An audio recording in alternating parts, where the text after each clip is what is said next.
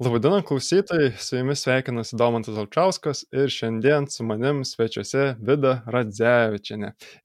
Vida yra ICF coachingo specialistė, mentorė, Samara jogo instruktorė, energinių technikų meistrė ir busima mindfulness atidos mokytoja. Tai labas Vida. Čia aš įsiterpiu iš užkulsių, kadangi Vidos pasisveikinimas neįsirašė, bet daugiau visas mūsų pokalbis tvarkingai praėjo. Na tai šiandien pagrindę kalbėsime apie patį perdegimą ir man asmeniškai jau negaliu sakyti, kad ilgai labai įdomi tema, bet pastovi vis sugrįžta klausimas, kaip pervargstu aš, ar jaučiu didelį nuovargį e, po didelių darbų, ar tai čia jau aš jau perdegu, ar čia jau tam tikri maži perdegimo simptomai, nesimptomai, nuo ko tas perdegimas atsiranda.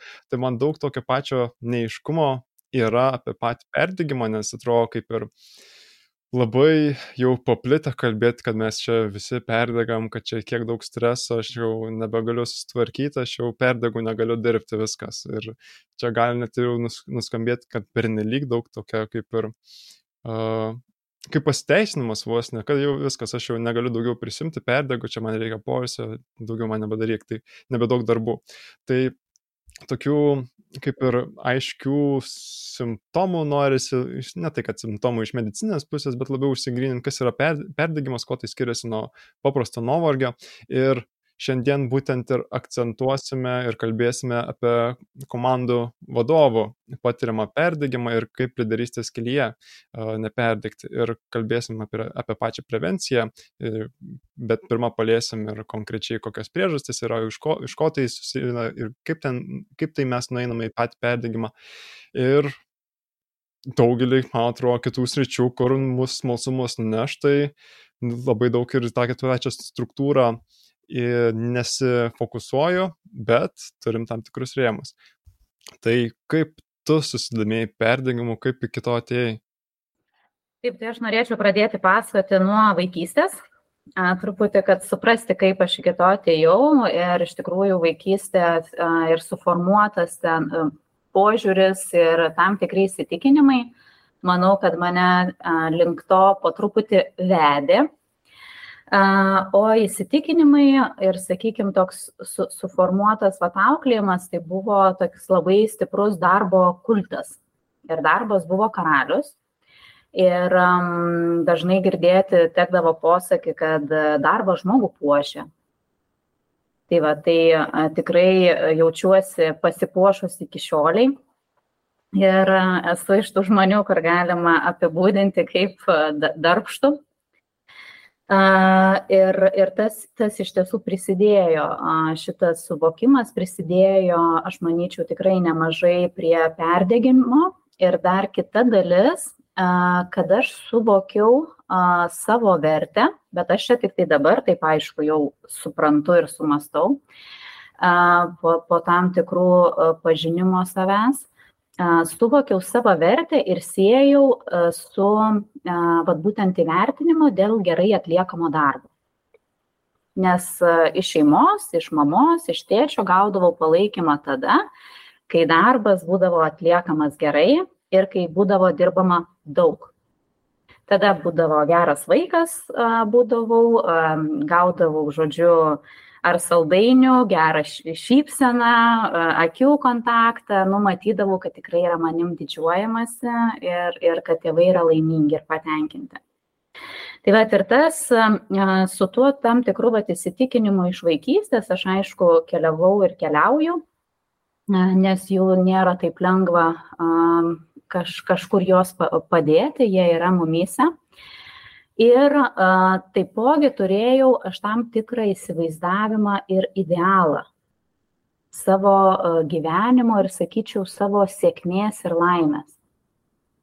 Ir tas idealas, jisai buvo a, susijęs su a, pripažinimu, gerom pareigom. Geros pareigos man tai buvo vadovo pareigos. A, geras atlygis, Nu, tai tiesiog, ar tu gali gerai, materialiai gyventi, a, dirbti gerą, gerai apmokamą darbą, a, turėti pripažinimą, reputaciją, kad tave gerbtų. Ir man tai buvo tolygų vat, vadovo pareigom. Ir kad tą pasiekti, nu tai ką, reikėjo mokytis, reikėjo link to eiti. Aš mokiausi, gerai mokiausi, stengiausi, baigiau mokyklą, baigiau universitetą bakalaurą, tada magistrą. Tada pradėjau jau nuo bakalauro antro kurso dirbti, nes, nugi, aš darbštus žmogus, ašgi galiu.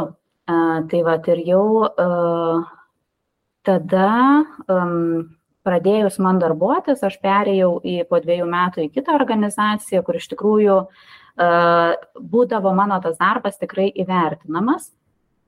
Ir uh, aš kilau karjeros laiptais, kur kažkur apie man buvo 27 metai, aš tapau vadovė. Tadam, mano visas siekis, svajonė realiai išsipildė. Ir, ir šita vat, visa mano tas mąstymas man padėjo realiai to pasiekti iš tikrųjų. Tačiau a, yra, aš tikrai negalvojau, kad šalia to yra ir kita pusė. Ir ta kita pusė buvo su visom atsakomybėm ir nesaugojimu savęs ir tuo atsidavimu ko iš tikrųjų yra siekiamybė darbe atsidavęs darbuotojas, ar ne? Tai aš tikrai buvau tas, manyčiau, saldainis pagal tuos apibrėžimus, atsidavęs, įsitraukęs, darbštus, motivuotas žmogus. Ir tik aš negalvoju, kad resursai gali pasibaigti. Nežinojau aš iš tikrųjų nei požymių, kas vyksta su manim, Tai kas pradėjo darytis? Iš tikrųjų pradėjo darytis a, tai, kad a, stresas ir įtampa jau buvo tokiam aukštam lygyje ir netgi dabar žiūrint, kai yra perdegimo etapai, tai čia jau buvo po perdegimo seka e, panikos atakos prasideda. Tai reiškia, jau aš buvau tikrai pažengusi e, kabutėse ar ne tame kelyje ir man aš labiausiai mane sukrėtė Ne tai, kad nuovargis, ne tai, kad e, susimastyti, kad dirbti po 12-15 valandų yra nu nesveika, ar ne? Visa tai, sakykime, manęs nesustabdė, bet jau kai prasidėjo panikos atakos, e, aš nesupratau, kas vyksta su manim, tačiau jausmas, kad, kad mirsi kad sustos kvepavimas, kad bus širdies priepolius ar kažkas vyksta ir tiesiog yra labai labai baisu tai vat ir tas jau man buvo stiprus toks ženklas man reikėjo matyt tokio stipraus kad aš susimąstyčiau kas čia darosi. Ir aišku prie to prisidėjo mm, toks sakyčiau menkavertiškumas kad reiškias aš nebegaliu suvaldyti. Ir tai iš tikrųjų dabar vat jau žinant tuos etapus jau aš jau atpažįstu simptomus atpažįstu koks čia yra etapas ir panašiai bet tuo metu aš visiškai nesuvokiau, kas su manim vyksta, aš tiesiog suprantu, kad prarandu kontrolę, aš su savim nebegaliu susitvarkyti, aš nebeturiu tiek energijos, tai iš tikrųjų buvo labai, labai baisu. Tai vad taip, turėdama savo uh, idealą, kas tai yra sėkmė, kas tai yra sėkmingas žmogus, šalimais tikrai neįsivaizdavau, kad gali atsirasti va tokie šalutiniai poveikiai. Tai va, tai yra Taip aš susipažinau su perdegimu, taip susipažinau su panikos priepoliais ir ten visa plokštė dalykų, kuriuos, manau, dar galėsim po to praeiti apie tos simptomus, požymius ir, ir, ir, ir panašiai. Tai va tokia, tokia trumpa kelionė iki to. Man visą laiką įdomu būtent su iššūkiais, kurie žmonės susiduria uh, savo gyvenime ir jos įveikia ir tuomet gauna iš to prasme apie tai dalintis, kalbėtis. Ir tikrai tikiu, kad yra daugelis iššūkių gyvenime, kuriuos įveikiai. Ir man įdomu, kaip pasirinkai ar nusprendai būtent toliau dirbti su perdėjimu, kad okei, okay, aš tai patyriau ir aš noriu, kad ir kiti žmonės na, neperdiktų, ar tai jais rūpintis ir uh, nesiekti perdėtai tikslų vien su tokiu stresu, įtampa, kad mano darbas yra mano savivertė, kad uh, kai aš neturėsiu gero, vado, uh, gero, gerų pareigybių, gero atlygio, nu tai kas aš per žmogus, visai, visai nu, ne karalius. Tai mm man įdomu, kaip, kaip nežinau, kaip čia suformuoluoti patį klausimą, bet kaip tu nusprendėjai, kad nori dirbti toliau su perdavimu, ko tai tau yra svarbu, kokią prasme matai tame? E, jeigu žiūrėtit nuo to laiko, kai va, tie visi požymiai buvo, ar ne, ką aš, va, kaip aš pasiekiau, sakykime, tą viršūnę ir iki dabar, e, kai aš esu pačioj pradžioj va, to darbo, ką, ką tu sakai, tai praėjo 12 metų. Ir man iš karto tikrai nebuvo jokių minčių nei kad su tuo dirbt aš viso net nesupratau kas čia darosi ar ne? Tai va tai per laiką kai aš pasikreipiau į gydytojus tai tiesiog aišku buvo įvardinta kad tai yra labai stiprus stresas bet aš tuo metu net nesumasčiau kad reikėtų kreiptis į psichoterapeutą ieškoti va tos ar ne pagalbos tiesiog buvo kad nu pasakyta reikia tvarkytis su stresu aš tokios pagalbos sulaukiau. Man nu tas pasakymas man nuo jo nepagerėjo. Ir aš pradėjau ieškoti alternatyvių būdų.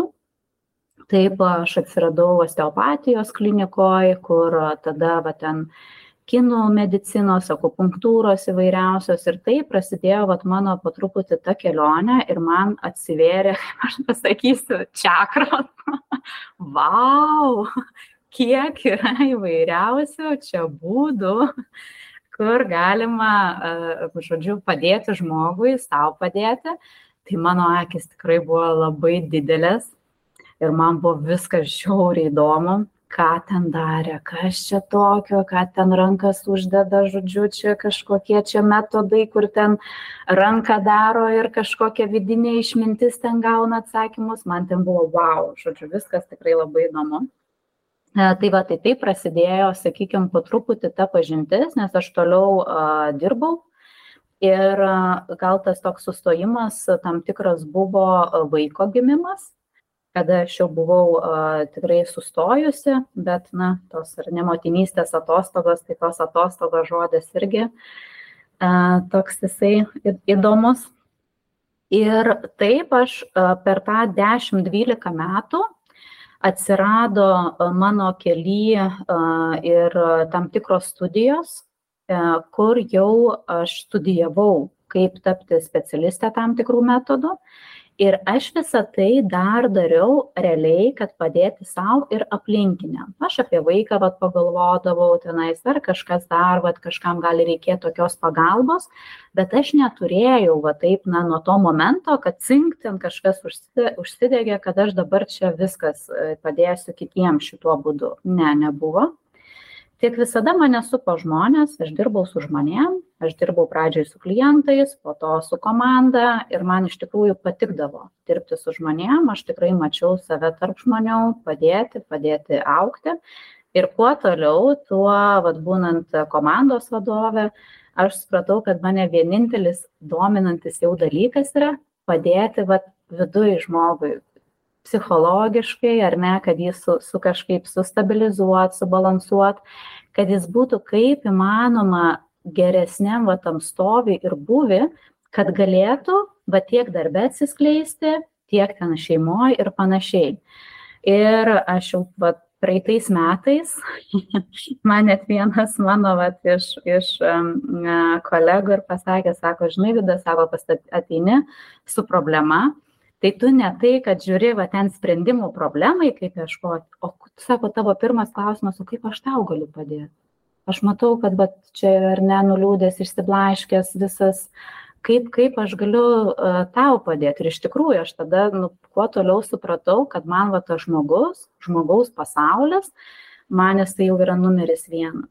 Ir man vat jau darbas su žmonėm a kaučingo studijos atsirado ir aš tada dar labiau supratau kad o vat va tai visa tai yra kad aš jau jau noriu jau noriu būtent kad mano ir būtų profesija susieta su žmogum su jo vat būtent pažinimu padėjimu jam išeiti iš tam tikrų situacijų su augimu. Tai va taip ir taip ir esu dabar čia.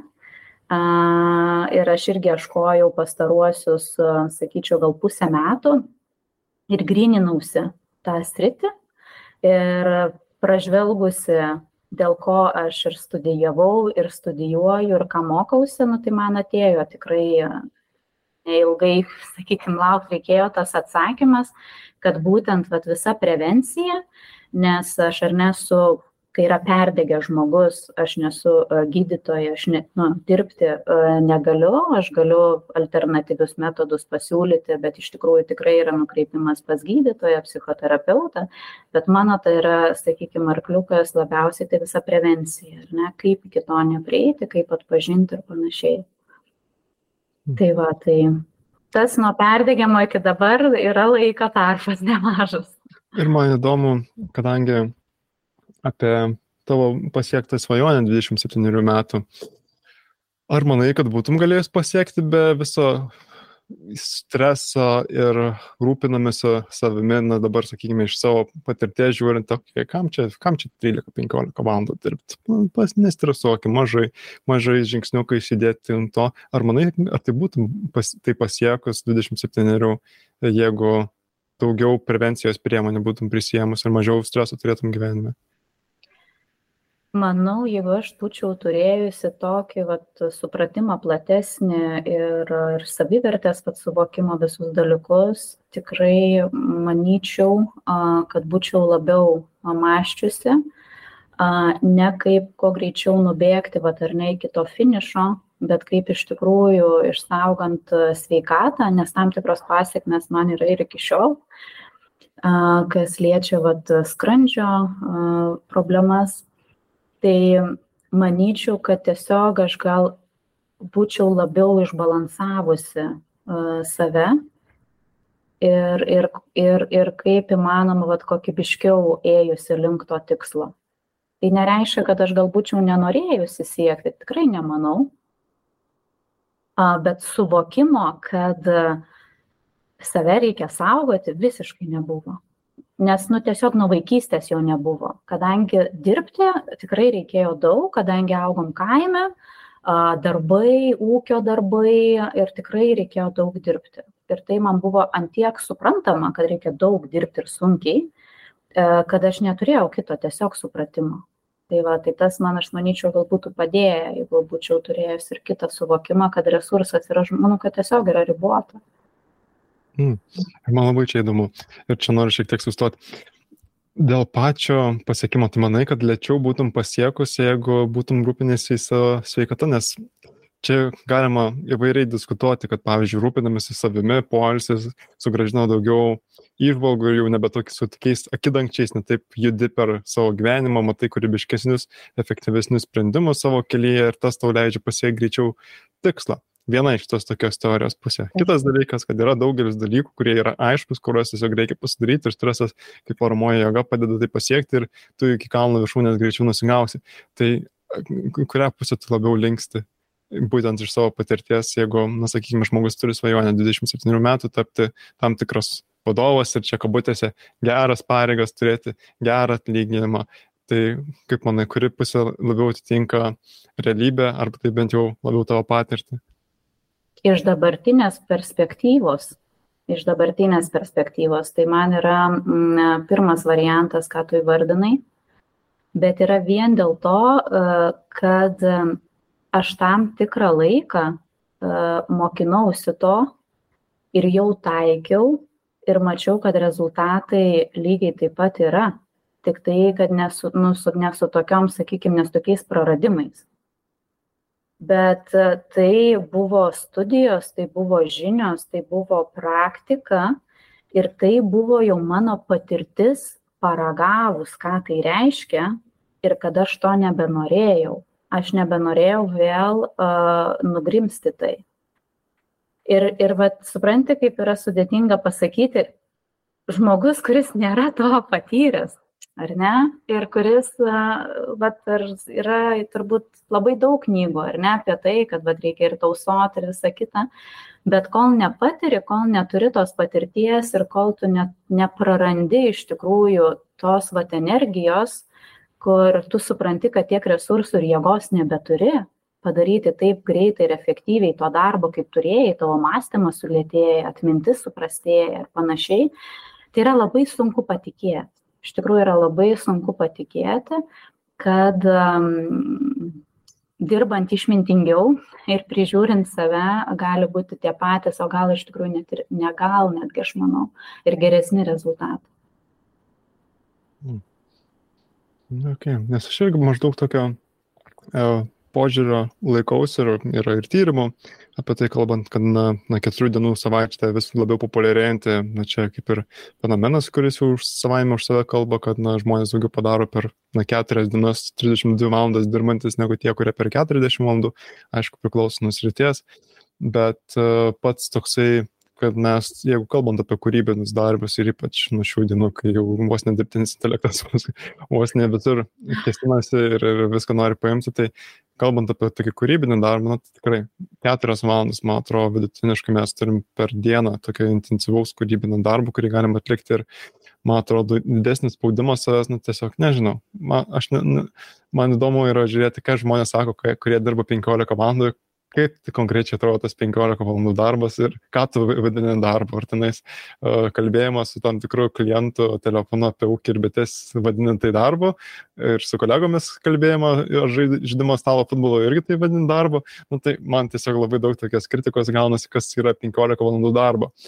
Tai, tai iš tos pusės ir man atrodo, čia ir svarbiausias tas aspektas, kurį galbūt ir uh, pačią svarbą paminim, ko yra svarbi perdėgymo prevencija, nes kai kurie žmonės gali pasakyti, kad kam man ta perdėgymo prevencija, turėsiu geras pareigas, gerą atlyginimą, tuomet jau rūpinsiu savo sveikatą, dabar aš noriu nusipirkti namą, ar yra sukurčiai, tam, pam, pam, pam. Visus tos dalykus pasidaryti ir tuomet jau turėsiu laiko rūpintis, jau geras pareigos, nebereiks tiek daug stengtis, turėsiu žmonių, kuriem deleguoti ir panašiai. Tai man atrodo, kad čia va, toks gali būti pagrindinis kritinis taškas, kurie, jeigu jau labai daug stresuoja, daug patiria ir sako, man tai yra naudinga, man tai reikia, padeda pasidaryti darbus, bet tai čia aš iškart man, manyčiau, kad, na, labai klaidingai tai žiūrima. Gal ir trumpalaikiai perspektyvai toj savaitė, jeigu patiriamas daugesnis stresas ir daugiau padeda pasidaryti darbų, vienareišmiškai. Taip, per vieną savaitę tikrai daugiau pasidarysi streso negu be jo bet ilgalaikį perspektyvą, nagi didelių reikšmingų tikslų nepasieksi, jeigu tu stresuosi ir tiesiog jau ir galiu, galėsim pakalbėti jau toliau apie perdengimo simptomus, bet nemigos prasideda, sunkiau susikaupti, sveikatos problemos, na žodžiu. Tai man atrodo, čia pagrindinis aspektas, kuo svarbu yra rūpintis perdengimo prevencija, nes jeigu tu nori pasiekti savo svajonę, savo didelių tikslų, na tai jeigu tu perdegsi ir daugiau nebegalėsi atsistatyti ar iš vis neefektyviai dirbsi, nu, tai to, to ilgiau tos svajonės bus siekiamas. Tai iš karto met jau noriu perėti prie pačio klausimo, kuris man vis dar mistiškas yra, kas yra perdegimas, kaip, kaip tu jį suvoki, kaip tu jį apibrėži. Pačių apibrėžimų yra įvairių, bet jeigu žiūrėti toksai kaip ir formalus ar ne tam tikras apibrėžimas, tai yra, kad tai yra fizinio, emocinio ir psichologinio išsiekimo būsena, ir kuri atsiranda dėl stipraus ir užsitęsusio streso. Ir tai daugiausia yra kalbama apie stresą darbe, apie darbo aplinką. Bet man iš tikrųjų patinka labiau kiti apibūdinimai, man tai yra labiau gal ką teko išgyventi ir, ir patirti.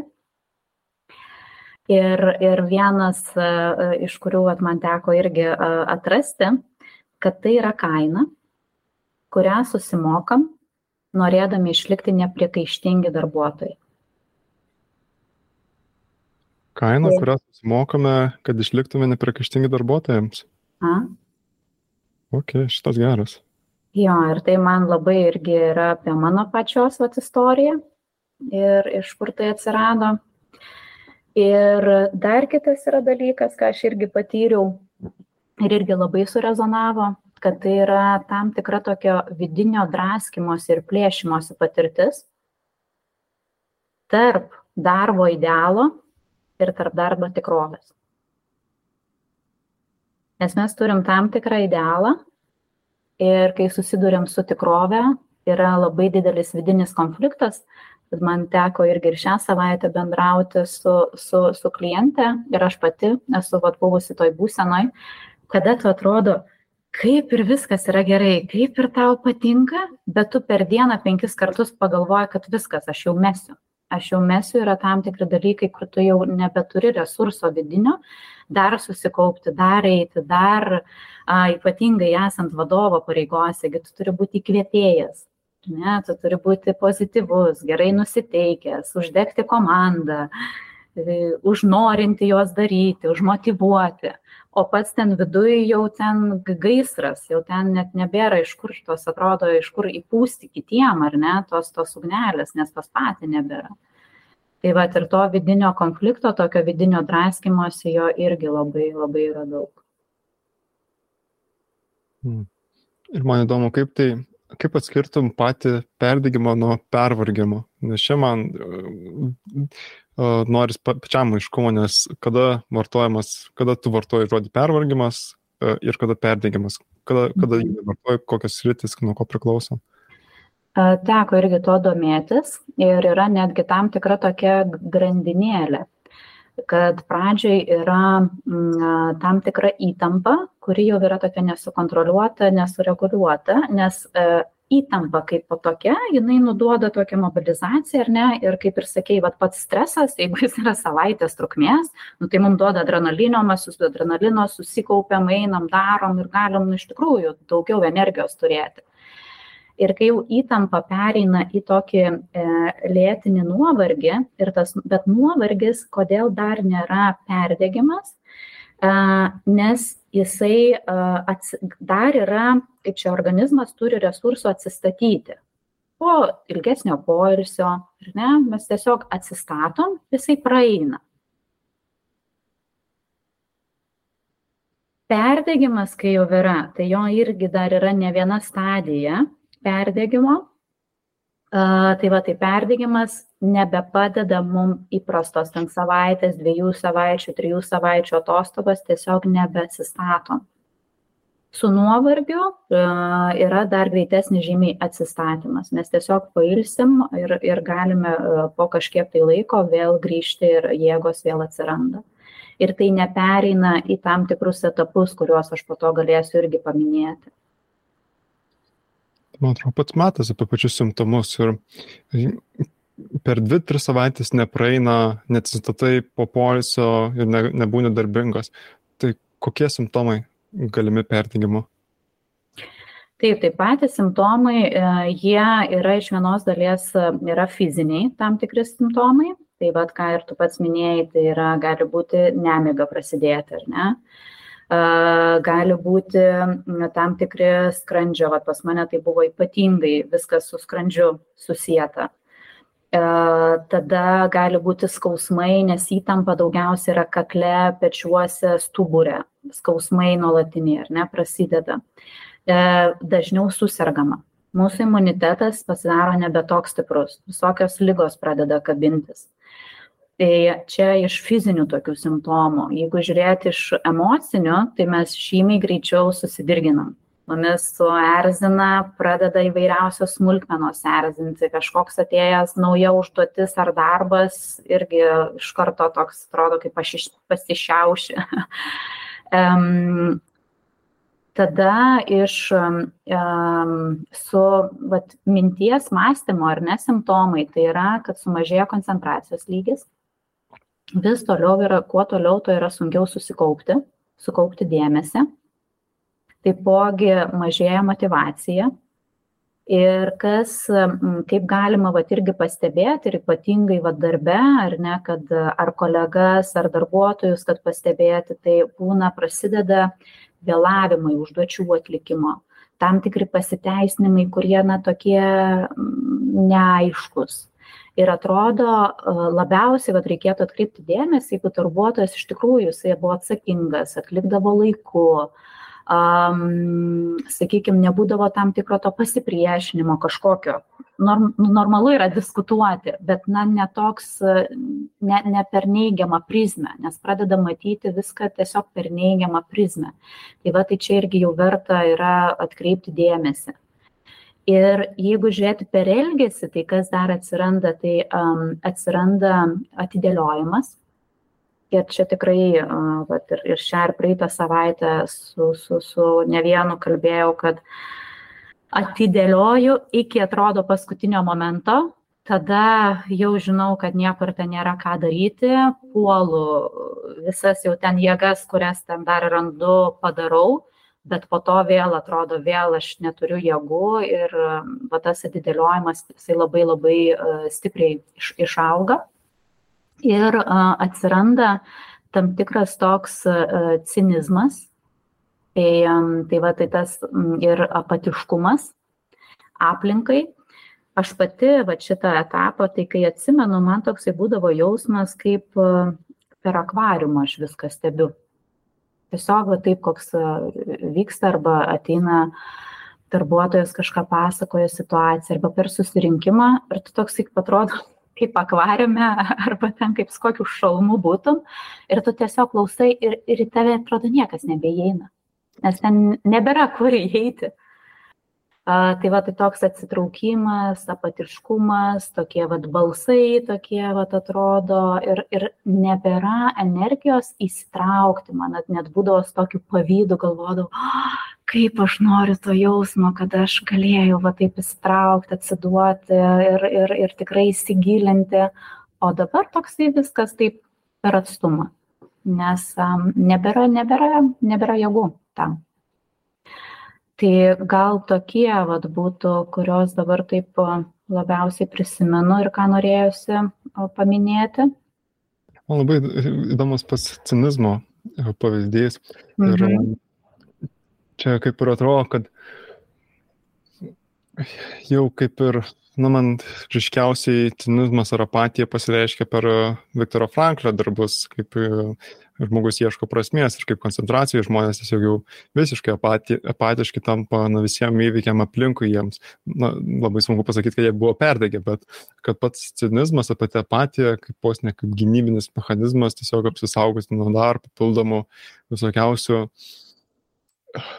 emocijų, streso ar dar kažkaip tokio reagavimo į išorę, kad va čia kažkokia drama vyksta, ne, taip ji nepasakė, na, kad jau mhm. tokių, tokio resursų nebe, nebenaudotum ir, ir toksai, kaip čia, kai telefonas mažai baterijos turi, tai irgi tam tikra konservacijos režimai įeina. Tai kaip ir man atrodo, pat, patys žmonės įeina jau tokie energijos taupimo režimai ir galvoju, čia jau pati motivacija ir iš motivacijos paskaitų Davilė Butkienė būtent vis laik ir kalbėjo apie tai, kad kas yra motivacija ir kai žmonės sako, kad neturi motivacijos, tai vis laik motivacijos kam tai motivacijos darbui. Ir e, būtent tada motivacija atsiranda polisiai.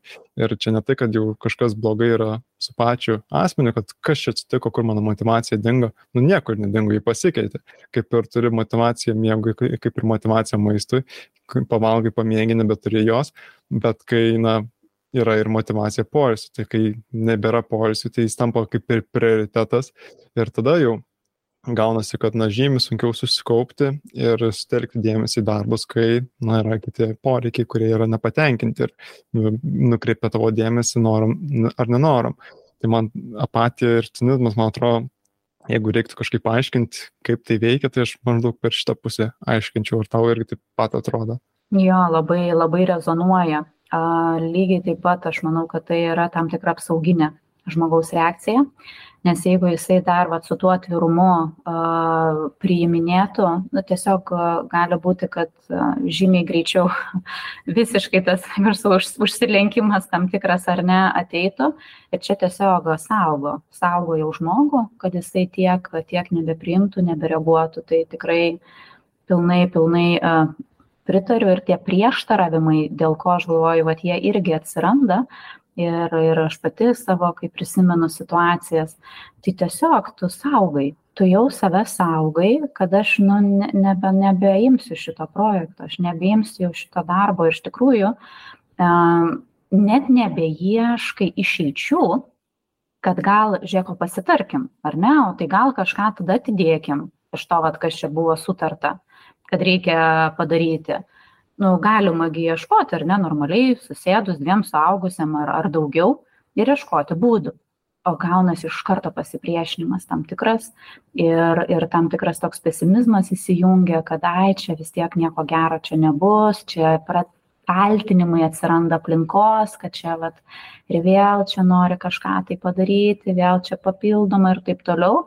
Ir atrodo, va, iš tokio gali iš pozityvaus, iš tikrųjų mąstymo, iš pozityvaus žmogaus tapti va toks labai, labai priešiškas vien dėl to, kad save apsaugotum.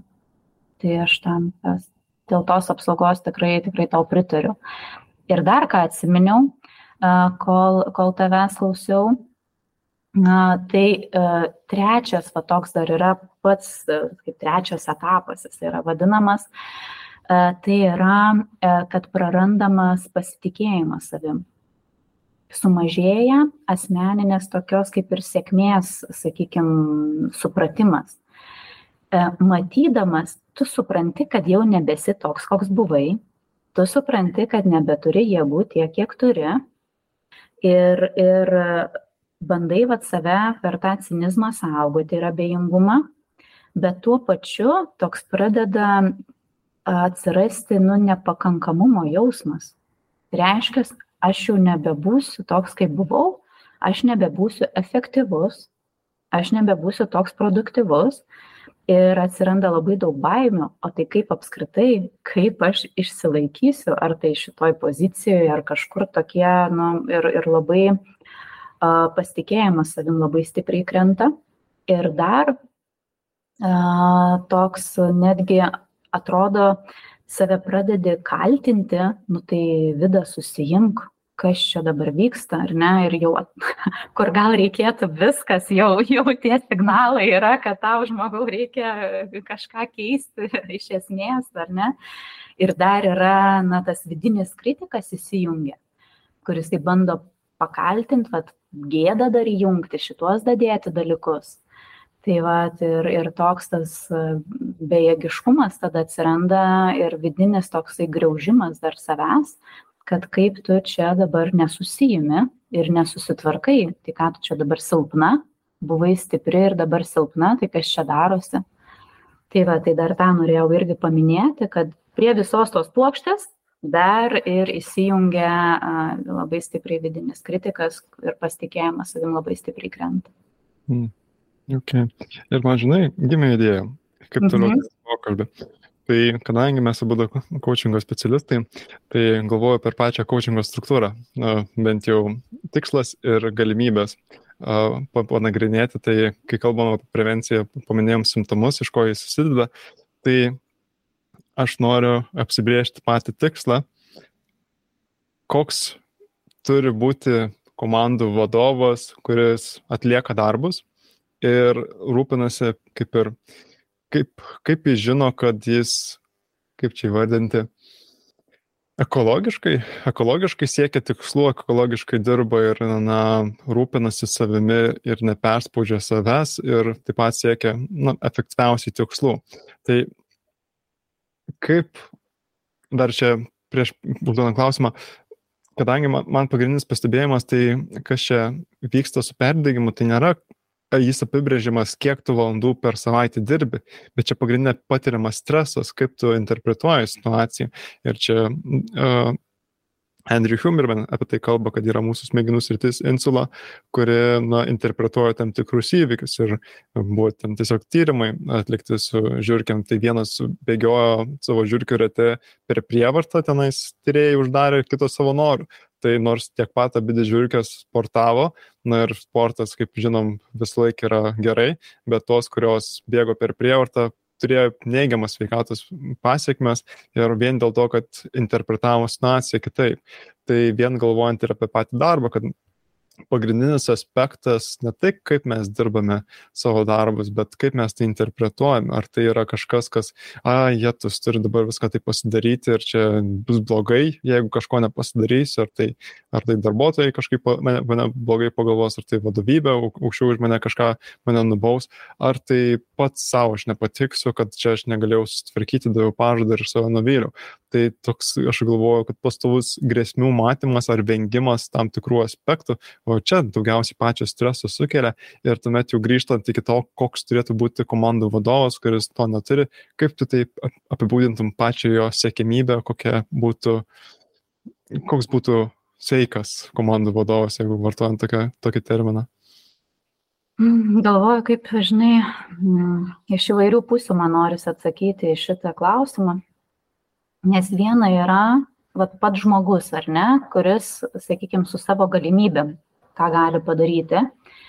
Tai čia vienareikšmiškai aš sakyčiau, kad kuo aukštesnio samoningumo, kuo labiau sąmoningas. Ir čia labai labai plati šita yra savoka, bet jinai reiškia, kad kuo tu esi samoningesnis, ar ne, tiek žmogus, tiek komandos vadovas, tuo labiau tu pastebi save, kas su tavim vyksta ir tu pastebi aplinką. Tai yra viena dalis. Kita dalis, aš sakyčiau, um, labai, uh, kad būtų sveika savivertė.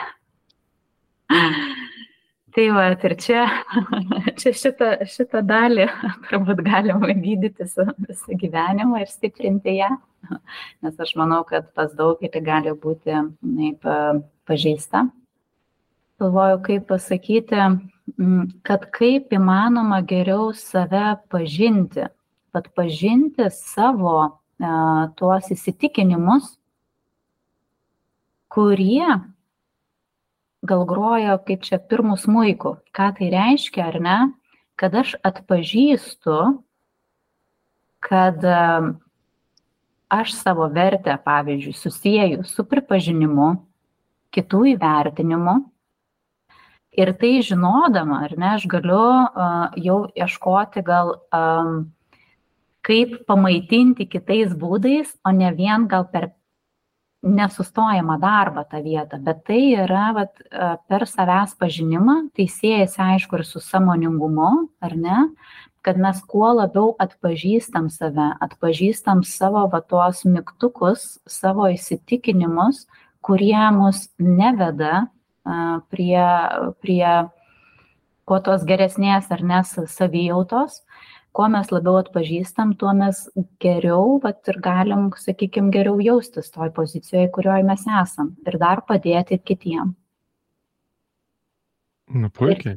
Ir, ir čia yra, ką, ką gali, sakykime, nu, ko turėtų ar ne rūpintis pats vat, žmogus, ar tai, jeigu kalbam apie vadovus, aš pati, vat, irgi būdama toj roliai, visą, visą šitą šalimais domėjausi ir plėčiau tą akiratį. Tačiau yra kita, kita yra dalis, nes iš tiesų organizacija tai yra sistema. Ir individas, žmogus, tu esi sistemos dalis. Tai va, ir čia e, irgi, kuo aukštesnė savivertė, kuo didesnis samoningumas e, tam tikriem dalykam, mat, kuriem pasaky, kurie vyksta ar ne, ir gal yra prieš, prieš tavo norus, tai va irgi pasakyti tam tikriem dalykam ne. Arba pasitraukti, jeigu tavo jau vertybės nesutampa su organizacijos vertybėm ir panašiai. Ieškoti išeičių. Bet tai, galiu pasakyti, tikrai nėra, nėra paprasta, nėra lengva, nes tiesiog žmogus, sistema, organizacija, jinai yra didesnė už individą. Jinai tikrai turi savo, savo tam tikrus ar ne pelno pajamų tikslus, kur iš tiesų labai stipriai traukia žmonės, labai stipriai ir jie praranda praranda savo save gali tikrai savo tą fokusą ir tikslą prarasti bet visų pirma reikia dar jį turėti ir reikia norėti. Nu, okay, labai ger, geri aspektai. Tai kuo didesnis samoningumas, kuo aukštesnė savivertė, kuo daugiau pastebėjimas savo įsitikinimų ir taip pat labiau konteksto atitikimas su savo asmenim vertybėm ir pačio viso veiklos pobūdžio.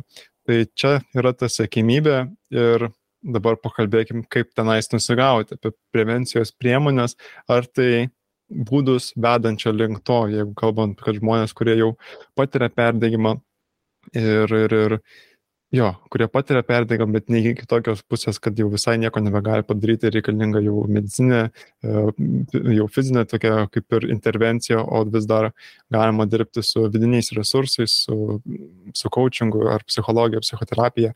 Tai ką, kaip tokiems asmenim tokioj stadijai būnant nusigauti iki aukšto samoningumo, savivertės, savo įstikinimo, matymo ir, ir, ir, ir, ir konteksto pakeitimo, jeigu jiems tai reikia. Žinau, kad turi labai daugelį skirtingų praktikų, įrankių, metodų, kaip tenais nusigauti, tai prašau, pasidalink. Mhm. Taip, tai kad ten nusigauti, tai vienas iš metodų, kuris, sakykime, ir skatina tą samoningumą, tai yra coachingas.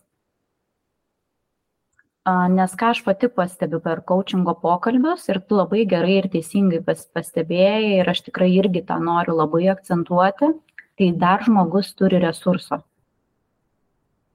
Kai dar žmogus turi resurso, jisai supranta jau, kad kažkas vyksta ne taip, kaip buvo, nesupranta, va taip kaip dabar ar ne, va tų visų ten etapų, požymių, nes čia reikia gilintis ir domėtis, kad visą tai žinoti, kas vyksta. Dažniausiai supranta, kad kažkas vyksta, kad yra kažkokia košė ir neiškumas ar negalvoji, kad nežinia, ką daryti. Tai va, tai šitoj vietoje, bet dar yra resurso uh, keisti ir ieško pagalbos.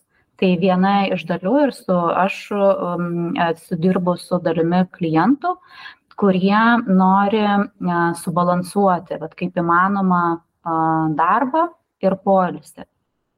Ir mes va, tada jau ieškom prie tų galimybių ir prie aplinkos, kur jie yra, prie jų įsipareigojimų, nes jeigu yra ar ne, ten vaikai, šeima, darbas, atsakomybės ir panašiai, mes visą tą turim įsivertinti. Ir aišku, coachingas kaip technika tai padeda padaryti. Ir tada, va, kaip ir dabar mes ieškom, kaip nueiti iki to, taip ir mes su klientu ieškom, kokį žingsnį, kad ir mažą, mes galim žengti link to. Ir taipogi, žinoma, tas yra samoningumo ir mąstymo skatinimas, tas irgi labai stipriai padeda ir pavyksta tikrai atpažinti ir tos pačius ribojančius įsitikinimus, ar ne, kas kaip žmogus vat linkęs veikti jis irgi gal save sieja su tuo pačiu darbu, su pripažinimu ir panašiai. Tai vad paliečiamės tikrai ir šitas, ir tuos vat, įsitikinimus, ir šitas temas. Taipogi paliečiam per coachingą ir laiko patį planavimą, kas yra svarbu, ne, kokie yra prioritetai, kokie yra žmogaus tikslai gyvenime,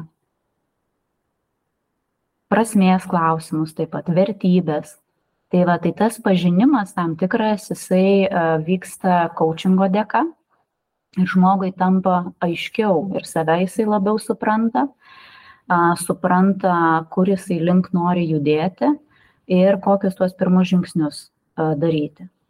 Tai va, tai čia iš, iš kaučingo pusės. Gal pats dar nori e, kažką papildyti?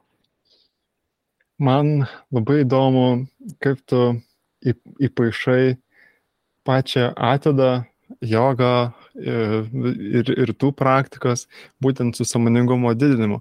Ką tu kalbėjai apie kaip, kaip, na, kaip coachingas padeda didinti samoningumą, na, pagrindinis aspektas iš coachingo yra, kad ir filosofija, kad klientas pats turi visus atsakymus viduje ir jam reikalingas samoningumas, kad prie jų dasigauti. Ir dažnai mes tiesiog užsiciklinam per ribojančius įstikinimus, per, per baimės, per kitaip, kas, na, kas neleidžia mums pamatyti, kokie mes esam resourceful, e, net nežinau kaip lietuviškai tai pasakyti, bet turintis daug išteklių. Potencialą turintis.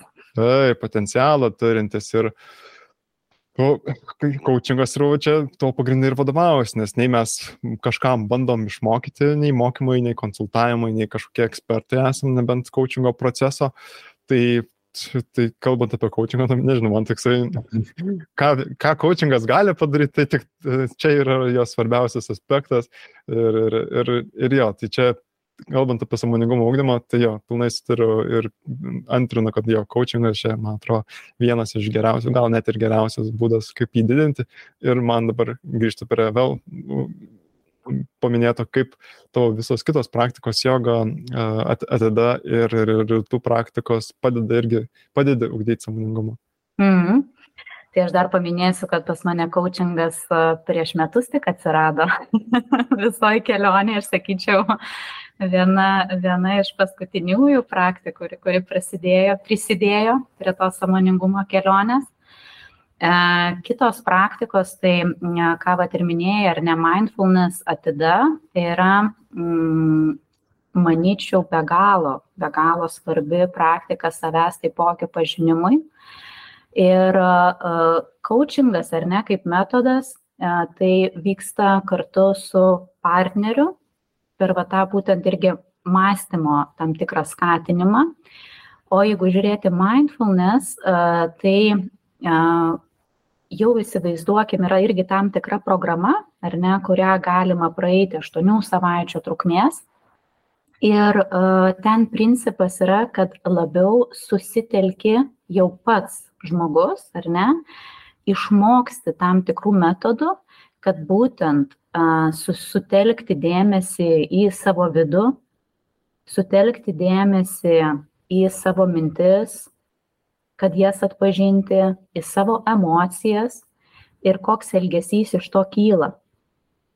Nes mes reaguojam ne į situacijas, o į mintis apie tas situacijas arba problemas. Ir mindfulness e, savo metodologijas įleidžia irgi labai tą pajausti ir, na, kaip čia atpažinti ir pamatyti, kaip mūsų mintis keičia mūsų savijautą ir mūsų elgesį. Tai a, labai stiprus, aš sakyčiau, metodas ir aš tikrai vat, a, ir Samadevos universitete su, su dėmesingumo praktikom labai stipriai susidūriau ir jau praktikuoju kažkur tai penki metai. Ir pradžioj būdavo labai sudėtinga iš viso pastebėti, kaip susijęta yra mintis su mano savijauta, man tai iš viso atrodė viskas viena, kaip, kaip čia atskirai dabar mintį e, iš, iš, iš ar ne, va taip apšviesti ir kokį jinai įtaką daro. Ir, ir čia viena, bent jau man asmeniškai, vertingiausių va, šita yra dalių, kad per praktikas tu juo, tuo labiau, kuo toliau, tuo labiau save pažįsti ir pažįsti, kiek yra mąstymas svarbus ir kaip jis tave įtakoja. Ir aišku, pačios praktikos, jos irgi duoda dėmesio tą pačią koncentraciją, ir net tos pačios meditacijos, tam tikri vat, dėmesingumo pratimai, jos uh, tam tikra, sakykime, proto ir, ir, ir sąmonės higieną. Tai va, kaip, kad protas pailsėtų ir tuo pačiu kuo aiškesnis taptų. Ir kad ir kaip paprastai tos praktikos gali atrodyti, bet iš tikrųjų daryti tai, kas paprasta, nėra lengva. Ir per tas praktikas galima kuo toliau, tuo labiau vat, ir pastebėti, aha, vėl nunešė mintis, vėl nunešė mintis. Ir toliau dar galima pastebėti, o kokios mintis. Ar jos yra mane maitinančios, ar jos ir apie ką jos yra. Ir dažniausiai apie ką tai yra. Arba apie ateitį mes nerimaujam, arba apgailestaujam, kas ten praeitį buvo, oi, ne tą pasakiau, reikėjo ten taip ir taip, ai, kodėl aš tą ir tą, arba o kaip ten, va, rytoj reikės čia jungtis kažkur, o jei aš dar nepasiruošęs. Ir visa tai, kuo toliau, tuo mes labiau atpažįstam. O kai jau atpažįstam, galim imtis veiksmų ir sprendimų, ką su tuo daryti. Tai, tai mindfulness man šitoj, iš šitos perspektyvos yra labai stiprus. O man įdomu, kokia tavo sėkmybė yra būtent su atida. Ar nori medituoti iki tol, kol jau, sakykime, meditacijos metu nebekyla jokios kitos mintis ir būni toje akimirkoje, ar iki to, kad aiškiai pastebėtum savo mintis. Klausiu dėl to, kad kiek aš samprautu iš tos pusės, kad tie, na, vienuoliai, ar tai budistų vienuoliai, kurie uždaro tenais, ar tai urvose ir medituoja visą dieną ir jie sugeba pasiekti nirvanos būseną ir išlieka ramus ir, na, okei, okay, čia, man atrodo, vienas iš geriausių, geriausių savijautų, ką gali patirti gyvenime. Bet iškart čia grįžti į mūsų vakarų pasaulį, kur mes pastoji dirbame, turime darbus tikslus ir mes aš galvoju, man bent jau asmeniškai kol kas yra toks įsitikinimas, kad būnant tokios e, zen būsenos, kur jau nebekyla jokios kitos mintis, labai trukdo mano produktivumui, nes aš kiekvieną rytą prieš pradedant darbus, um, 10 minučių pamedituoju, tai vis tiek kyla mintis apie darbus, ai, va šitą aš taip galiu pasidaryti, čia galiu šitą susiplanuoti. Ir man gimsta sprendimai vien dėl to, kad yra tam tikras susitikimas susiplanuotas šiai dienai. Tai man va tokios mintis labai naudingos ir kol kas jos man visai netrukdo ir ateikit jų daugiau, kad kuo geriau dirbtasi. Tai man įdomu, kokia yra tavo nuomonė požiūris, ar pati atiduosi siekimybę, ar į tai, kad nori, kad visai tokia būtum zen ir, ir matytum savo mintis, ar, e, ar iš vis jų net neturėtum ir patirtum visko tai, kas yra, ar tai vis tiek nori kažkiek tų minčių įsileisti. Tai jo, šiek tiek toksai, kaip tu tai žiūri, koks tavo tikslas iš atidos. Mhm. Tai ką tu paminėjai, man e, ir, ir kur tavo yra vertė ir nauda, tai aš tokia netgi labiau sakyčiau, kad tai gali pat būti ir netgi atskira tokia ir meditacija, ar ne, kur e, iš tikrųjų ateina tam tikros mintis ir mes netgi atkviečiam, kur yra su tam tikru tikslu.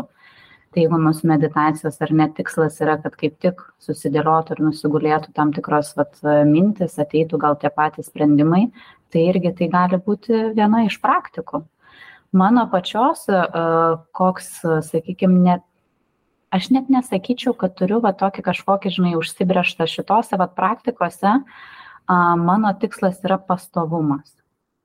Tiesiog pastovumas, o kas, kaip ten tiksliai turi įvykti, kiek aš toliau domiuosi, tuo aš labiau paleidžiu kažkokius tai tikslus ir kažkokias siekiamybės aš suprantu ir džiaugiuosi, jeigu yra momentas meditacijos metu, kada aš esu susitelkusi, va tarkim, jeigu ar ne įkvepavimą, ir man gal tuo metu kažkokios minties nėra, bet aš lygiai taip pat džiaugiuosi, kai aš jau pastebiu, kai aš jau ten dėlioju, kažką planuoju irgi, o, a, okei, okay, grįžtam, grįžtam tai um, labai išmokino mindfulness tokios atjautos.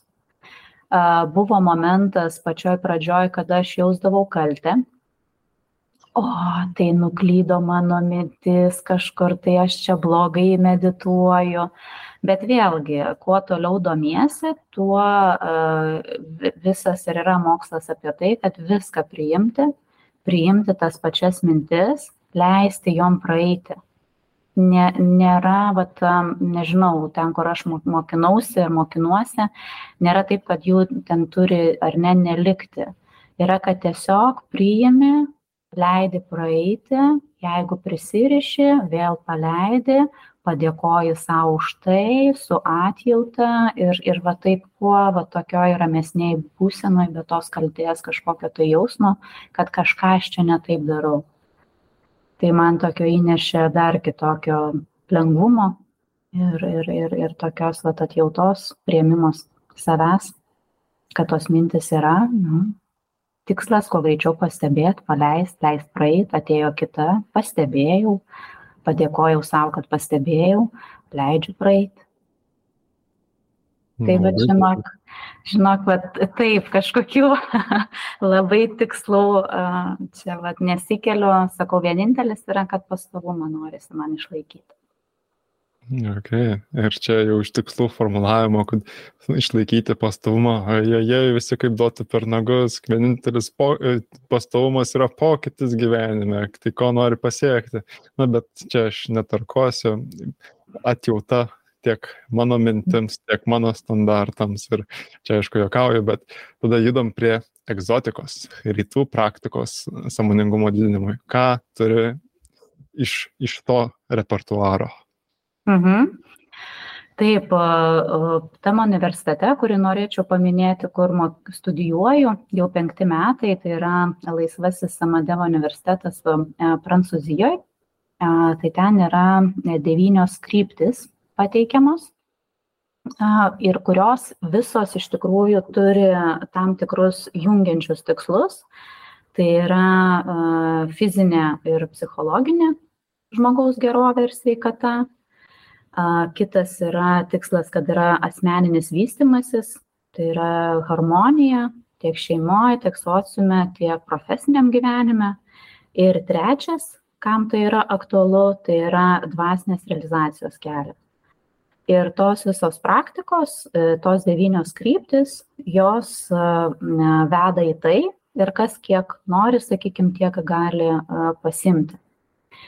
Tai ir man tos studijos ir tos praktikos, tai aišku, buvo, kaip ir minėjau, pradžioj, tikrai pradžioj dėl savęs, kad kuo įmanom, kaip įmanoma labiau save pažinti ir kaip įmanoma labiau save atstatyti. Kada, žodžiu, grįžčiau į tos resursus, kuriuos aš turėjau ir kad man užtektų samoningumo nebenusistekenti tiek ateityje. Ir um, kelis aspektus noriu paminėti, kuo gal tai, sakykime, skiriasi nuo to, ką mes dabar, bet ar ne, tas dviejas skriptis paminėjom. Tai ten yra vienas blokas praktikų, tai va yra, kur skirta yra jau energiniam lygmenį. Tai tam universitete ir kaip ir rytuose, ir kinų medicinoje, ir indų medicinoje yra pripažįstama energinė sistema, meridianai, nadės, priklausomai pagal kurią tradiciją žiūrėsim. Ir e, viena iš taisyklių, e, kur būtent yra energinių metodų, ką jinai teigia, kad įvairiausios problemos, e, kurios kyla gyvenime, tai tiek gali būti tiek fizinės, tiek emocinės, tiek mūsų lyg, minčių lygmenį, jos yra susijusios su tam tikrais energiniais blokais. O tie energiniai blokai, jie atsiranda dėl tam tikrų įvykių mūsų gyvenime. Um, tai gali būti tam tikri ir stipresni sukretimai, sukretimai tam tikros netektis, tai gali būti tas pats stresas, patiriamas nerimas, kai ta energija nebeteka harmoningai ir reiškia, jinai uh, pristabdo, mes nebeturime tiek tos vidinės uh, energijos, kad vyktų savigyda iš vidaus. Nes, nu, mes žinom, ar ne, įsipjaunam, ten užgyna, užgyja žaizda ir panašiai. Ir mūsų va tie resursai, energiniai resursai, jie o, užsiblokuoja ir taip nebeteka. Mes nebeturime tiek tos vitalinė, dar yra kitaip vadinama energija. Ir tie metodai, energiniai metodai, jie tiesiog padeda ją vėl suharmonizuoti, kaip įmanoma tos blokus pašalinti ir mes nuo to galim vėl jaustis geriau. Tai va, tai yra čia dar vienas metodas prie to, ką mes ar ne kalbėjom, o, tai yra, va, ar ten coachingas, psichoterapijos, ar ne, kai reikia fizinį kūną gydyti, žinoma, mes einam į mediciną, kur padeda. Čia jau dar eina kalba apie vieną terapinį lygmenį, tai yra būtent energinį lygmenį. Ir padedam žmogui tam energiniam lygmenyje harmonizuoti. Gali pateikti pavyzdį apie energinį bloką, man visai neaišku, apie, apie, apie ką tai yra. A, tai gali būti patirtas tam tikras irgi stresas, tik tai tu supranti, nepajausi pat kūne, kad man dabar ten ties trečių šonkaulių kažkas tai užsiblokavę, ar ne? Tai yra, neina taip vat, pajausti, kur tai, kur tai gali būti, Tik tai tai yra, sakykime, tas energinis blokas, kuris, na nežinau, mes galim tiesiog įsivaizduoti tą patį, ar ne, jeigu yra ten kraujas, kraujagislėm ar neteka ir irgi už, už, užsikiša, tai duoda poveikį visam mūsų organizmui ir netgi labai didelį. Tai lygiai taip pat yra energiniai kanalai, meridianai, kuriais teka energijos ir kur irgi tam tikras blokas gali būti ir kuris nebeleidžia taip harmoningai mums tekėti tai energijai. Ir tai duoda poveikį į mūsų savijautą. Mes kartais gydom uh, fizinį kūną, kartais gydom, vat, ar ne, mūsų psichiką, bet visiškai, kadangi vakaruose, tai nors ir kuo toliau, tuo labiau tai yra kalbama ir galima rasti tuo metodu, bet vis tiek, na tai yra keistenybė, kas tas energinis kūnas, va ir kaip ten kas užsiblokuoja, ar ten užsikiša, ar ne, ar panašiai. Tai va, bet jau būtent pagal tą tradiciją, kas yra rytuose, tai jiem yra visiška norma, kad, kad jisai yra ir kad tie blokai yra.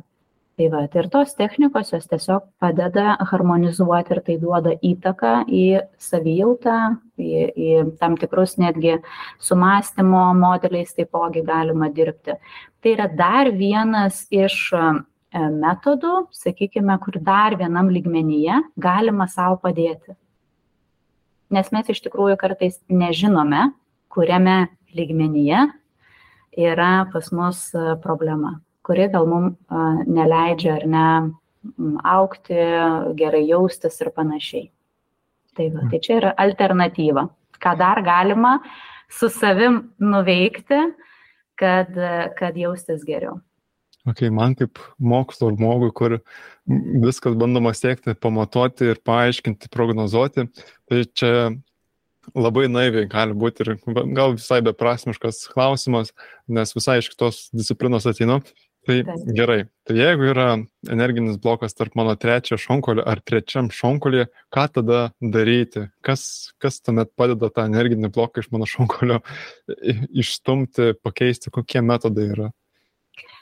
Yra kiek iš viso kokių metodų, tai aš neišvardinsiu. Aš išvardinsiu, kur aš pati e, kai kuriuos e, ir pati esu specialistė ir kur esu e, pati, sakykime, praktikavusi.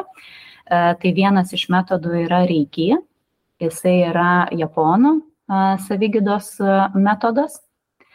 Ir tada kitas yra metodas, kas tikrai jau yra na, paplitę, tai yra akupunktūra. Tada yra metodas būtent tame universitete, kas yra mokoma ir ko specialistė aš pati esu, tai yra Samadeva energinė jurveda. Ir e, yra kitų energinių metodų tiesiog aš dar pati kaip čia dar nestudijavau bet tikrai laukia ir aš labai su nekantrumu laukiu kada tie blokai ir mokymai ateis ir aš galėsiu dar labiau tas į tas praktikas įsisavinti Tai čia yra pavadinimai, kur tikiu, kad tau juos išgirdus nelabai kas paaiškėja. Ne, tikrai ne. Akipunktūra vienintelis dalykas, ką aš pažinau. Ir tai. tiesiog humoristinė situacija. Na, okei, okay. tai mane apšaukė draugas draugė vakar, aš atsikeliu mhm. naktį, vidury nakties ir iš trečią, trečią naktį, trečią valandą nakties ir trečias šonkolis man, kai dešinysis pradeda skaudėti. Aš atsikeliu, skambinu tau ir sakau, man taip skauda, man atrodo, energinis blokas yra, ką patartum daryti, ką, kaip energinį bloką išvalyti. Tai čia toksai vos ne gal kaip ginklas uh, tau prie smilkinio pridėtas ir turi būtent dabar pateikti atsakymą, kad man energetinis blokas išsi, išsivalytų, ką patartum daryti. Jeigu jau taip nutiktų, tai iš tikrųjų aš kartu tau patarčiau atlikti tam tikrą pratimą, tai vad, kur yra pabandytumėm tam tikrus taškus tiesiog pastuksenti ir pamasažuoti ir pažiūrėtumėm, ar tau kažkas tai pagerės. Nu tai čia, jeigu žinai, taip komiškai iš su humoru e, žiūrėti tą dalyką, o jeigu taip rimčiau ir dažniausiai, jeigu žiūrėti, e, su kuo, kada dažniausiai ar ne e, ateina ir, ir, ir, ir tie metodai, kreipiasi ir ieško tų metodų, kada vat irgi jau yra užsitęsę tam tikri dalykai, kada jau išbando įvairius būdus ir, ir tradicinius, ar ne, ir ieško dar, ieško dar alternatyvų, tai gali būti ir lėtinis, ir užsitęsęs tas pats stresas, iš perdėgymo neina ir neišlipti ir panašiai, ir tiesiog žmogus ieško, o gal dar kažkas tai egzistuoja. Tai dažniausiai yra taip, iš tikrųjų tai vat kad tai būtų pirmieji dalykai kurių žmogus ieško kai kažkas jam sunegaluoja ir panašiai tai tikrai taip nėra. Ir ir gal kinijoj indijoj taip ir yra. Ir gal ten nuėjus ar ne pas specialistą jie jau ir taiko kažką iš karto pas mus vakaruose. Tikrai taip nėra ir kažin ar bus Nu, okay. Aš visai šitoje srityje svetimas esu, neišprusęs ir, ir, ir, jo, ok. Tai tada judam, nežinau, kaip ir pagrindinius aspektus paminėjom, ką tu dar nori pasidalinti ir kaip tu nori, kad toliau mūsų pokalbis eitų. Mm. Aš galvoju, dar galiu e, iš to, vat, ką paminėjau, yra vienas va, tas energiniai sistemai, tai yra dar kitų tokių įdomių dalykų, jeigu yra įdomu išgirsti, kas irgi gali būti, kad, e, vat, kaip ar ne, mokslo žmogų ir panašiai, ir gal irgi kas klauso, kad irgi žinotų apie alternatyvas. Nes e, čia ir yra vienas iš, iš dalykų, kad nereikia tuo nei patikėti, ar ne, nu netoks yra tikslas. Tiesiog mes e, per gyvenimą, kaip ir aš, kažkada nežinojau, bet mes plečiam tą akiratį, pabandom, veikia kažkas tai, ar ne, ir žiūrim, kad, o, gali dar yra ir tokie dalykai. Tai va, tai dar galiu irgi nebent paminėti, kad dar yra kitas be energinės, e, va, būtent tam energiniam um, lygmenį, dar yra sisteminis lyg, lygmuo. Nu, ok, pasidalink su Dominai. Mhm. Tai va, tai yra sisteminis, tai reiškia, kad um, dažnai mes galvojam, ar ne, kad mm, tam tikri mūsų gyvenime padaryti sprendimai, įvykiai lemia mūsų vat, visą tą savijautą, ką tik mes tą kalbėjom, ar ne, ir taip uh, yra. Tačiau kartais būna, kad atrodo um, ir supranti, bet vis tiek yra sunku nuo, e, nuo kažko tai e, iš, išsivaduoti. Aš pateiksiu pavyzdį, ką turiu omeny. Atrodo, nu kaip ir suprantu, va, tarkim, ten situacija gali būti ar tai su vadovu, ar tai šeimoji. Kažkoks žmogus nu, labai būna ir ne, kad tiesiog erzina ir tu net nesupranti dėl ko. Ir jeigu tai yra, pavyzdžiui, šeimoje, tai kas gali būti kad tai yra tam tikri dalykai kurie persiduoda per šeimos sistemą iš kartos į kartą. Ir tai vat gal ir bus pačiam girdėta eina kalba apie šeimos ir protėvių konsteliacijas kur irgi e, yra metodas kuris padeda sakykime kaip įmanoma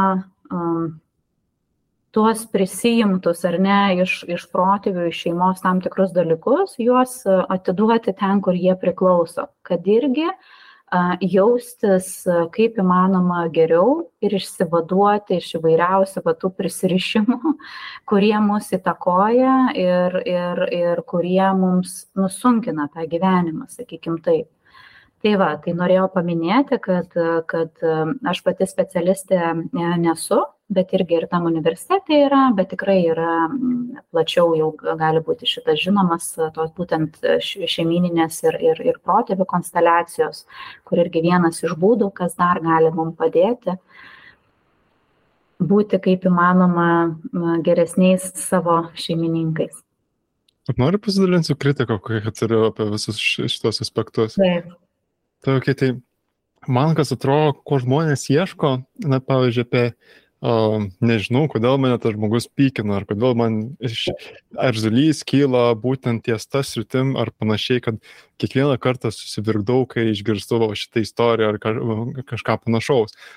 Tai man atrodo, kad patys mechanizmai, kurie mus veikia, yra baisiai sudėtingi ir sunku išsiaiškinti pačius visus veik, priežastingumo ryšius, kas konkrečiai veikia, kas atsitinka ir čia nuo fiziologinių veiksmų, nuo to, kokį dėmesį mes atkreipiame detalės, ką mes, kokius įstikinimus turim, kokias praeitas patirtis, kokia savivertė, koks kontekstas, žodžiu, psichinių procesų vyksta begalis ir ko žmonės tikrai nori, tai geros istorijos, kodėl to žmogaus nekenčia ir kodėl man, pavyzdžiui, šitas dalykas nesiseka.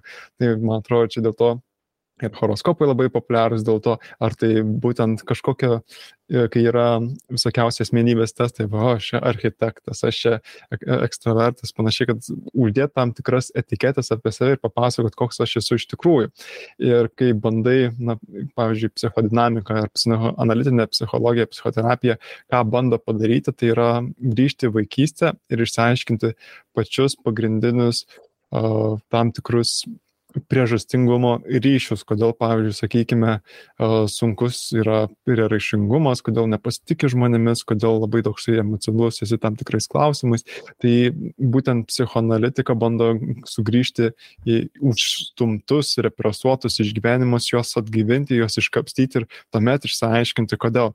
Bet pagrindinis iššūkis tame yra ir dėl to, kad ir kodėl būtent daugelis psichologų sako, kad psichoanalizė nėra mokslas, tai yra labiau menas ir ten ir, ir labai jokingai žiūri tai, kai kurie net ir šūdų tai vadina, nes, nu, iš esmės tu gali metų metus ir psichoanalizė trunka na, labai intensyviai, man atrodo, trys sesijos, dvi sesijos per savaitę ir keletą metų ir bandai iškapstyti. Ir pagrindinis iššūkis yra tame, kad mūsų atminimai iki tol, kol mes neturim kalbos, iki tol, kol mes nesusiformuojame tų biografinės atminties, mes neturim tiesiog atsiminimų.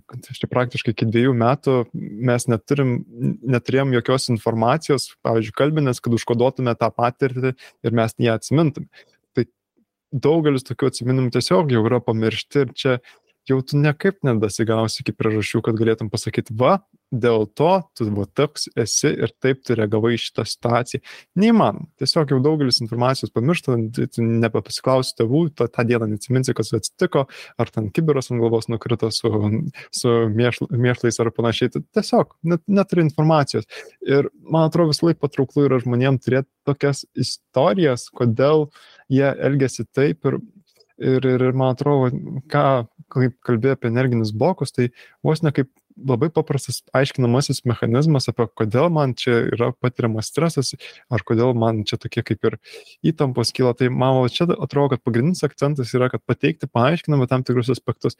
Bet, ką tu kalbi, kad pavyzdžiui, jeigu patiri stresą, tai ar tai akupunktūra, ar tai tenais tam tikrų uh, kūno pratimų įsisamoninės, ar tai atida, tai man atrodo, čia yra veiksminga, nes tu ne, ne, ne dėl pačių aiškinimų, kurios patikė ir man, aš labai skeptiškai tai žiūriu, bet man kas atrodo, kad kur tikrai veikia ir daugelis žmonių, kurios, uh, kurios pažįstu, ar tai irgi labiau įeina per jogą ar per tokias alternatyvas praktikas, tai daugelis klienčių atsiliepia, kad, o, čia man labai patinka. Ir įdomus pastebėjimas, kad daugelis tai yra moterų, gal 90 procentų moterų. Nebuvau sutikęs dar vyro, kuris būtų į tą tokią jogą ar tai energinis blokus ėjęs, tai vien moteris.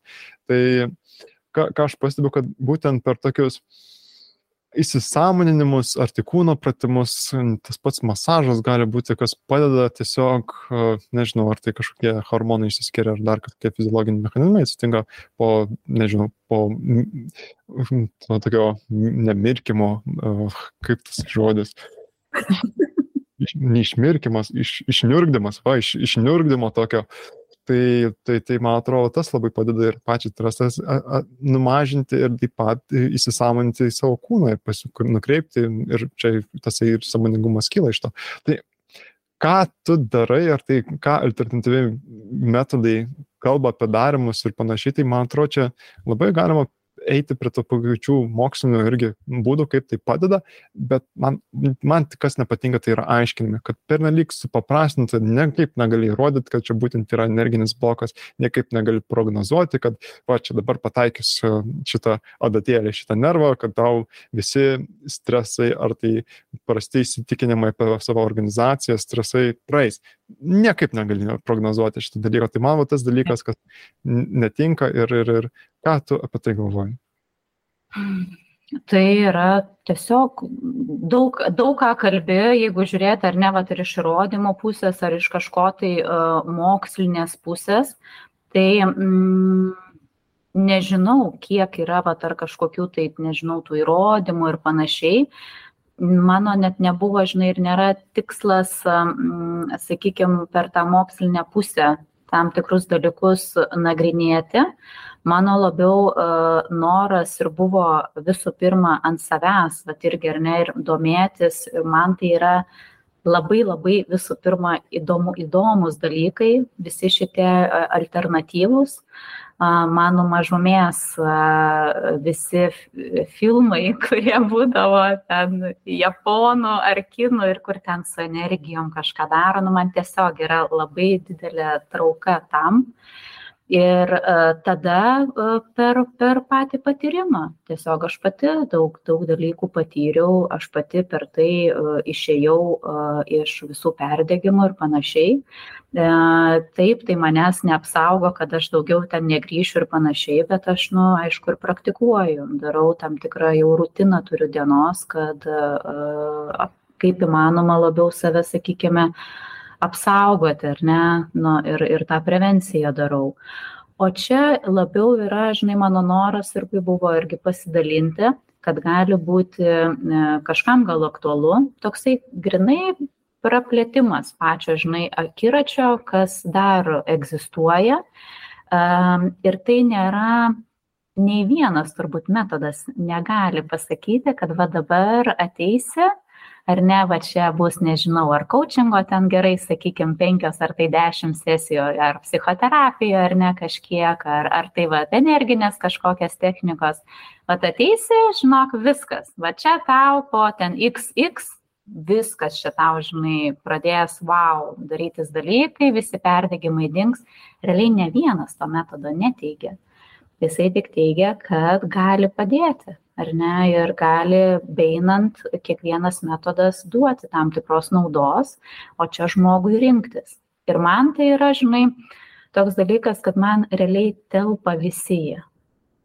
Man jie telpa visi, ir aš galvoju kiekvienas jau žmogus vat renkasi ir pagal savo įsitikinimus tam tikrus aš irgi gal prieš dešimt metų būtų man daug kas skambėję keistai ir ir ir taip toliau ir tiesiog plečiasi bandai supranti Um, yra tam tikrų istorijų ir pas save, kur turiu, ir su vaiku, kur tiesiog tikrai tam tikri dalykai na, priverčia susimastyti ir suprasti, kad e, tai gali padėti tam tikram gal gyvenimo etape. Bet aš manau, kad jie kiekvienas turi savo veiksmingumą, kiekvienas. Mm. Tai va, ir jie gali gražiai dėrėti. Ok, tai čia, man atrodo, tas pats pagrindinis aspektas, kad mes visi esame skirtingi taip, ir kad taip. būtent skirtingi metodai padeda. Man asmeniškai šiandien, turėjau kočių sesiją, kur žmogus nieko visiškai neusišinė ir mane kas labai nustebino, kad ir tas pačias kočių sesijas, kurias turės po mėnesio, neužsirašo nei kalendorių, nei pas save užrašus ir tiesiog gyvena tokiam galvoje ir treniruoja savo protą, atsiminti tam tikrus susitikimus įvykius ir na ką, pasirodo į coachingo sesijas ir, ir, okay. ir pasidaro darbas, be jokių užrašų, aš toks, what the fuck, kaip tu, nepamiršti. Ir ten, na, man tiesiog nepatinka gyventi struktūrai, nors pati struktūra susidaro galvoje. Tai toksai, what the fuck. Tai, yeah. žodžiu, tai aš, aš tikriausiai kol kas tikriausiai niek, e, nesigilinsiu per nelik rytų meditacijas, nes man kas bando mokslas paaiškinti ir kur mokslas, na, psichologija gali ir juoktis iš tokio mokslo, kad tenais irgi vienas su kitu autoriai priešinasi ir įrodinėja kitaip, bet, na, vis tiek bando kažkaip paaiškinti ir man tas labai patinka pati visa struktūra ir, ir bandymas prognozuoti ir net matau galimybės iš save išnirgdyti ir pažiūrėti, ar tai man padės su stresu, jeigu kils. Bet iš, iškart net grasau, kad čia ne, ne, viskas, ryte pamirškite alternatyvę mediciną, nes mokslo tai nėra įrodyta ir net ir prognozuojančios, uh, sakykime, galios. Tai, nežinau, žmonės rinkitės tai, kas nori ir, ir tikriausiai, kaip čia, nebandyti įpiršti kitiems tai, ko jiems nereikia. Tai, ja. man atrodo, pagrindinis aspektas iš to aspekto. Okay. Ir ja, jau žiūriu, kaip mūsų pokalbis atėjo į pabaigą. Tai nežinau, ar turi kokių, kokios tavo mintis kyla, ar nori kažko dar pasidalinti, pagidavimai, komentarai. Man ateina toks, gal galvoju po viso to pokalbio, iš tikrųjų svarbus gal toksai vat momentas, kad kuo labiau vat pažinti. Man vis dėlto tas vat savęs ar ne pažinimas, atpažinimas yra be galo svarbus. Ir aš galvoju, kiek yra vat irgi svarbi ir vat vadovo rolė ir atsakomybė, nes um, iš tiesų tu save turi kaip įmanoma geriau pažinti ir suvokti, ar ne kas vyksta. Ir plus dar yra komanda plius dar yra komanda. Tai va tai kiek to sąmoningumo ar ne e, vadovas turi daugiau tuo jis gali labiau vat pažinti kas vyksta ir pas jį komandoj. Ir e, tam tikrais momentais gal nukreipti. Ir jeigu turi coachingo įrankį ar ne vėlgi gali labai stipriai tam tikrais dalykais kartais sužinoti kas vyksta su žmogum ir panašiai. Tai čia vat man labai norisi to tokio turbūt palinkėti ir toliau to tiek sau, tiek, tiek klausantiem to samoningumo keliu eiti ir savęs pažinimo keliu eiti. ir ten ko beinant, ten tik veriasi ir veriasi nauji horizontai. Sužinai apie save to, ko nežinojai. ok, ačiū tau, Vida. Tai po viso šito pokalbio man jau aiškiau pasidarė, kas tas perdengimas yra, kuo tai skiriasi nuo pačio nuovargio. Ir būtent jau ir esminės kaip ir sąlygos, sakykime, jeigu jau patiri stresą ir daugelis dalykų jau nu, tiesiog ciniškas tampi ir daugas nepatinka, nesiseka, jau pats savo pasitikėjimas krenta savivertę, jei, jei koks čia nevykėlis panašiai, tai čia iškart kvietimas yra į patį samoningumą, į pasižiūrėti, kokius įstikinimus turi, kaip pas tave diena atrodo, iš ko jis susideda ir kaip žiūri ateinančius darbus, kuriuos turi pasidaręs. Tai čia, man atrodo, taip ir svarbus, svarbus tai kaip ir čekapas, pasižiūrėjimas, okei, okay, kur aš dabar esu, ar aš daug patiriu streso, ar aš tiesiog atskėlęs, na, sunkiai keliosiu šypsaną, po šalto dušo tik tais atsiranda šypsana, bet ar aš keliosiu tokios geros intencijos, kad čia noriu, noriu daryti darbus, ar tai čia jau viskas, viską atidėlioja ir panašiai.